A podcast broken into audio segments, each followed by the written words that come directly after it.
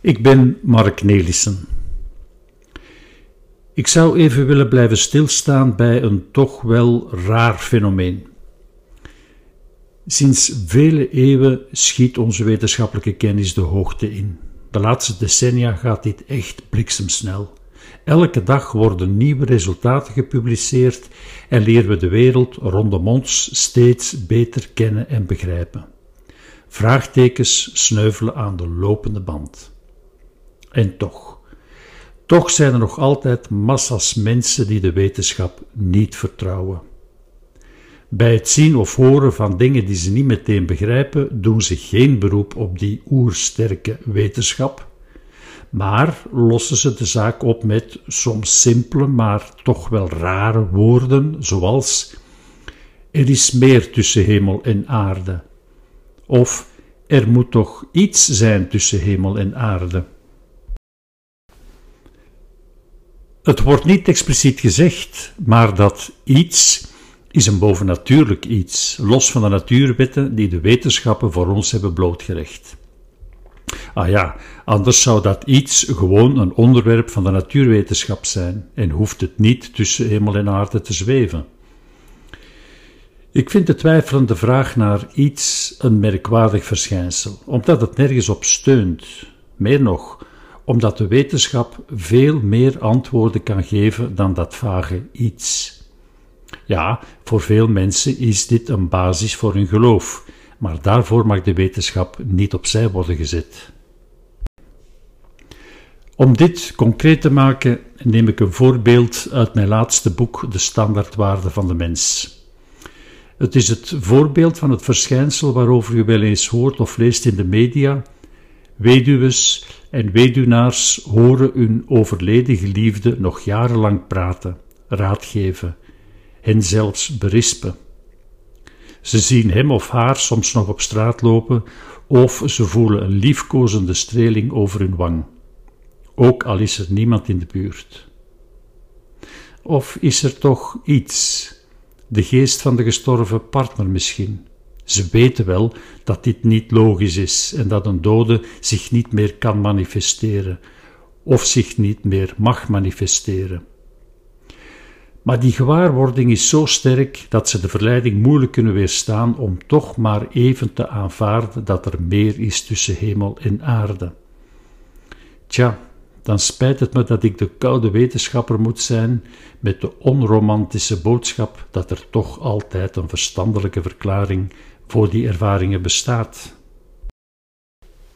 Bekijken we even het verhaal van die ene weduwnaar. Hij wordt gekweld door de keuze of hij wel of niet zal ingaan op de invitatie om een kopje koffie te gaan drinken, met een weduwe waarmee hij in de trein een praatje heeft gemaakt. Hij heeft zijn vrouw pas een jaar geleden laten cremeren. Ze hadden intens met elkaar gehouden. Kan hij nu zo ontrouw zijn en zich door een vreemde vrouw laten uitnodigen? Nee, dat is niet geoorloofd. Tot dat adembenemende moment, die avond die hij nooit meer vergeet, toen hij in zijn luie stoel een film probeerde te volgen, een romantische film, waarin een vrouw een man teder in haar armen neemt en hem zoent. Achter zich hoort de weduwnaar duidelijk de stem van zijn vrouw. Doe maar, jongen, zegt ze, zeg maar ja tegen haar. De volgende dag belt hij de dame uit de trein op. Ze drinken nog vele jaren samen koffie. Is deze brave man gered door zijn overleden vrouw, door haarzelf?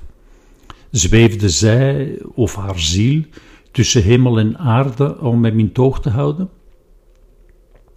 Als zij daar een warm gevoel bij krijgt, gun ik hem zijn lieve gedachten maar ik vrees dat er een meer rationele verklaring te vinden is. De stem is niet echt te horen geweest, natuurlijk. Had de dictafoon op de smartphone van de weduwnaar aangestaan, dan zou die niets hebben geregistreerd. De evolutie heeft honderden miljoenen jaren nodig gehad om stembanden te kunnen ontwikkelen, die fijn genoeg waren om de diverse klanken van de letters en de woorden voor te kunnen brengen. Daarvoor was een ingewikkelde structuur nodig, een complexe fysiologische besturing en een exact beantwoorden aan de wetten van de fysica om bruikbare klanken te kunnen produceren. Nee, letters, woorden en zinnen kunnen niet vanuit het niets worden gemaakt. De stem zat in zijn hoofd. Voor eerst, hoe kan de man die lieve, ontroerende woorden horen? Doorgaans denkt men dat je hoort via je oren, maar dat is niet zo. Oren dienen enkel om klanken op te vangen en om te zetten in elektrische prikkels. Die worden als signalen via zenuwbanen geleid naar een gebied in de hersenschors dat specifiek belast is met de verwerking van elektrische impulsen van klanken. En dat is de auditieve cortex, of gehoorschors voor de vrienden. Alleen dat deel van de hersenen heeft een speciaal programma voor de analyse van klanken. Maar er is veel samenwerking met andere hersendelen. Om van een serie specifieke klanken een woord of een zin te maken, wordt de informatie doorgestuurd naar een ander gebied, het gebied van Wernicke. Daar wordt, weer in samenwerking met verschillende delen van de hersenschors, betekenis aan een woord gegeven, bijvoorbeeld die van jongen. Als er vele begrippen naar elkaar worden geplaatst, kun je een zin krijgen. Doe maar, jongen, zeg maar ja tegen haar. Ja, ik heb u gewaarschuwd dat het niet romantisch zou zijn en we zijn nog maar net begonnen. De hersengebieden die moeten samenwerken om tot deze zin te komen, staan in dienst van het geheugen. In de loop van ons leven hebben we evenveel dingen gehoord, gezien, geroken, als dat er sterren zijn in het heelal. De meeste van die zaken zijn meteen in de prullenmand verdwenen, omdat ze geen enkel nut hadden voor ons verdere leven, uh, zoals die straatnaam die we tien jaar geleden op vakantie toevallig tijdens een wandeling hadden gelezen. Maar de belangrijke dingen worden wel opgeslagen in een fenomenale database, het geheugen. We begrijpen nog lang niet alles van die databank, maar ook op dit gebied vordert de wetenschappelijke kennis met rassenschreden. In het tientallen jaren oude geheugen van de weduwnaar zitten enkele zinnetjes. Toen hij ze hoorde, besefte de brave man niet hoe belangrijk ze waren of later zouden zijn. Zijn vrouw had enkele jaren geleden gezegd dat ze niet wilde dat hij, als zij er niet meer zal zijn, ongelukkig zou zijn, dat hij alleen zou blijven, dat hij geen contact zou zoeken met een andere vrouw. Hij wilde die woorden toen niet horen, omdat hij niet wilde weten van haar dood, van het feit dat hij alleen zou achterblijven en haar zou moeten missen, elke dag opnieuw. Nee, hij had haar woorden niet gehoord, maar zijn onderbewuste beleving had haar opmerking erg interessant gevonden. Ja, zelfs heel belangrijk. En had ze dus zorgvuldig geregistreerd en opgeslagen op een veilig plekje in het geheugen. Het bewustzijn van de arme man heeft helemaal geen weet van haar lieve opmerking, zijn geheugen wel.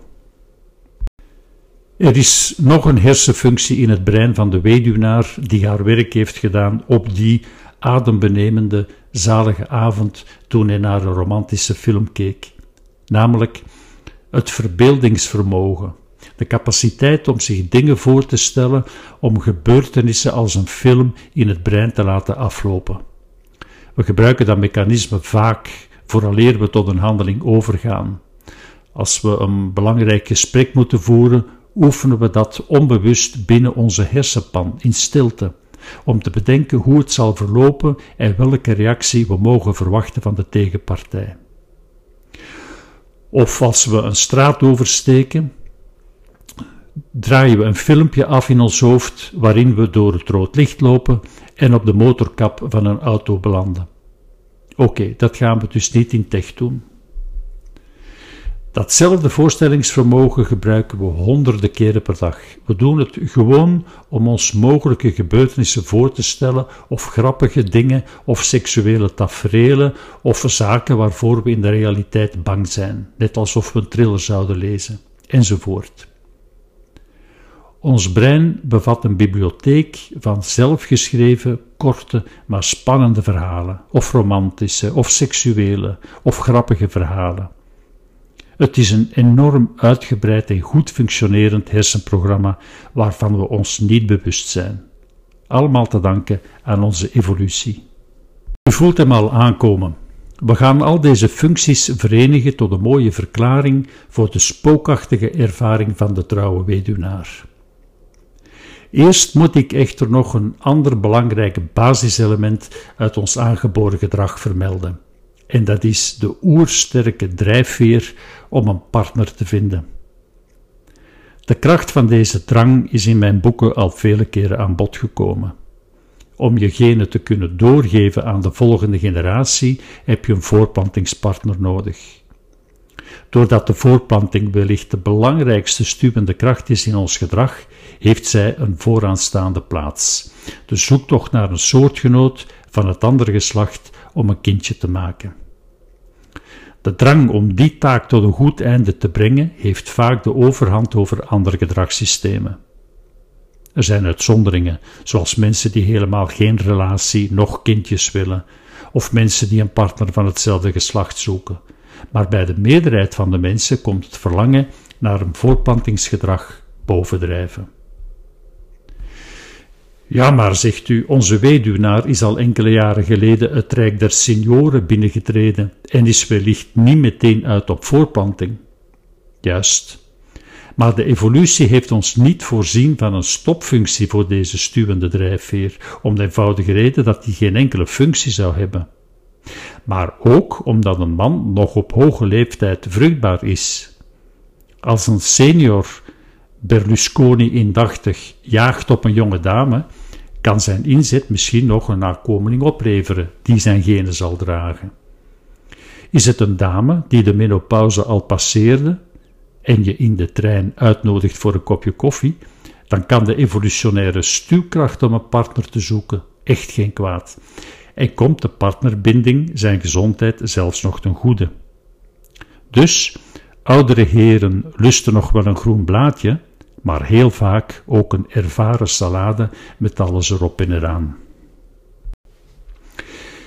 Daarmee hebben we alle ingrediënten om te verklaren waardoor de eenzame weduwnaar zijn lieve vrouw hem een jaar na haar dood hoort aansporen om aan een nieuw liefdesverhaal te beginnen.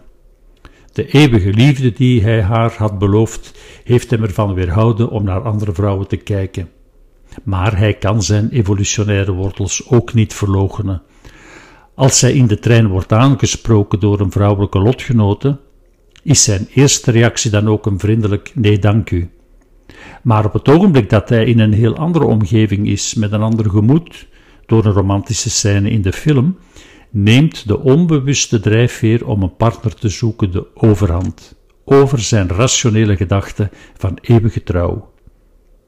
Die drang fluistert hem in het oor dat hij deze gelegenheid om contact te leggen met een vrouw niet voorbij mag laten gaan, ook al zullen er nooit kindertjes voortvloeien uit dat contact. Wel bonnetjes van de koffiebar.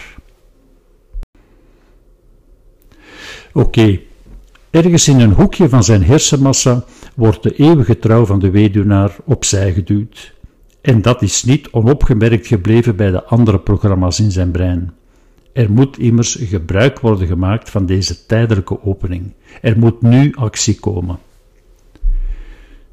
Denk aan de onbewuste, weggemoffelde database in het geheugen met de zin die zo lang onaangeroerd moest blijven omwille van de pijnlijke inhoud. Na mijn dood mag je niet ongelukkig zijn, mag je niet alleen blijven. Het bestand wordt van onder het stof gehaald. Zijn inhoud krijgt nu een betekenis die wordt voorgelegd aan de andere hersengebieden om te kunnen antwoorden op de oproep om niet ongelukkig te zijn. Kan er iemand deze brave man een bericht sturen dat hij de juiste stap mag zetten? Nee, moet zetten? Het ingenieuze systeem van het verbeeldingsvermogen dat virtuele verhaaltjes en filmpjes kan oproepen, wordt ingeschakeld. Het moet de onbewuste drijfveer om een nieuw contact te leggen met de weduwe vertalen naar de bewuste wereld. Liefst met woorden, want daar werkt ons bewustzijn graag mee. Het voorstellingsvermogen neemt een besluit om de volgende zin te gebruiken. Doe maar, jongen, zeg maar ja tegen haar. Dat zal hij zeker moeten begrijpen en het zal hem tot actie aanzetten. Alleen, welke microfoon moet het onbewuste brein hiervoor gebruiken? Het hersengebied dat in staat is om betekenissen van klanken te geven, ik noemde het al het gebied van Wernicke, wordt gevraagd om eens in de andere richting te werken. Het moet zeggen hoe de boodschap Doe maar jongen enzovoort in een zin zou klinken. En de hersenschors laat die klanken horen. En aangezien klanken enkel afkomstig kunnen zijn van de gehoorschors, kan de weduwnaar enkel geloven dat ze opgevangen zijn door de oren. En voilà, de man is er zeker van dat er iets is gezegd. Ziezo, het brein van de weduwnaar maakt hem op een zeer realistische manier wijs dat hij lieve woorden heeft gehoord van zijn vrouw, die dus na haar dood nog over hem waakt. De koffie staat klaar. Met dit verhaal wilde ik duidelijk maken dat er geen iets tussen hemel en aarde nodig is om een vreemd verschijnsel te verklaren. Met enige kennis over de werking van ons lichaam, onze hersenen, onze evolutie, kunnen we alles in een begrijpelijk kader gieten. Dan hebben we geen bovennatuurlijke krachten als verklaring nodig.